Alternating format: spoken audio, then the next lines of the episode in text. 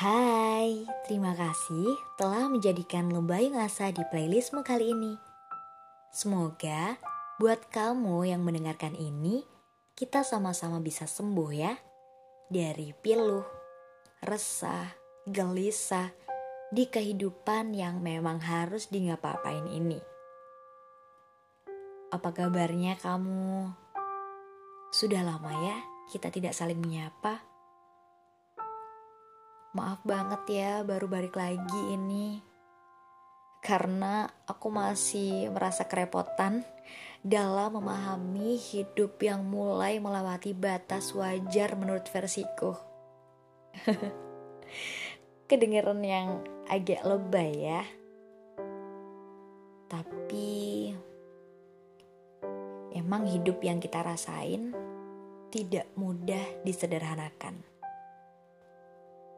kita salah satu orang dari miliaran manusia yang hidup dengan merasakan tidak sempurna, tidak memiliki keberuntungan, sering merasa tersakiti, dikecewakan, tidak hebat, dan sering merasa gagal. Kita akui saja kalau kita pernah bahkan sering merasa diri ini tuh tidak berarti, sering gagal dalam beberapa hal, merasa tidak bersyukur, emosi yang kerap naik turun, dan memiliki pendirian yang gampang berubah. Ya, kita memang bukan manusia yang memiliki banyak kelebihan, tapi kita juga tidak sekekurangan itu dalam menjalani kehidupan yang bahkan fana ini. Beginilah kita dari merasakan perjalanan hidup yang penuh liku itu tidak mudah disederhanakan oleh kapasitas manusia biasa seperti kita. Yaps, ingat, kita ini manusia biasa. Jadi, tidak ada standar yang menuntut kamu menjadi yang paling sempurna. Karena tahu sendiri kan, yang paling sempurna hanyalah Tuhan yang Maha Kuasa. Coba kamu rasain sekarang.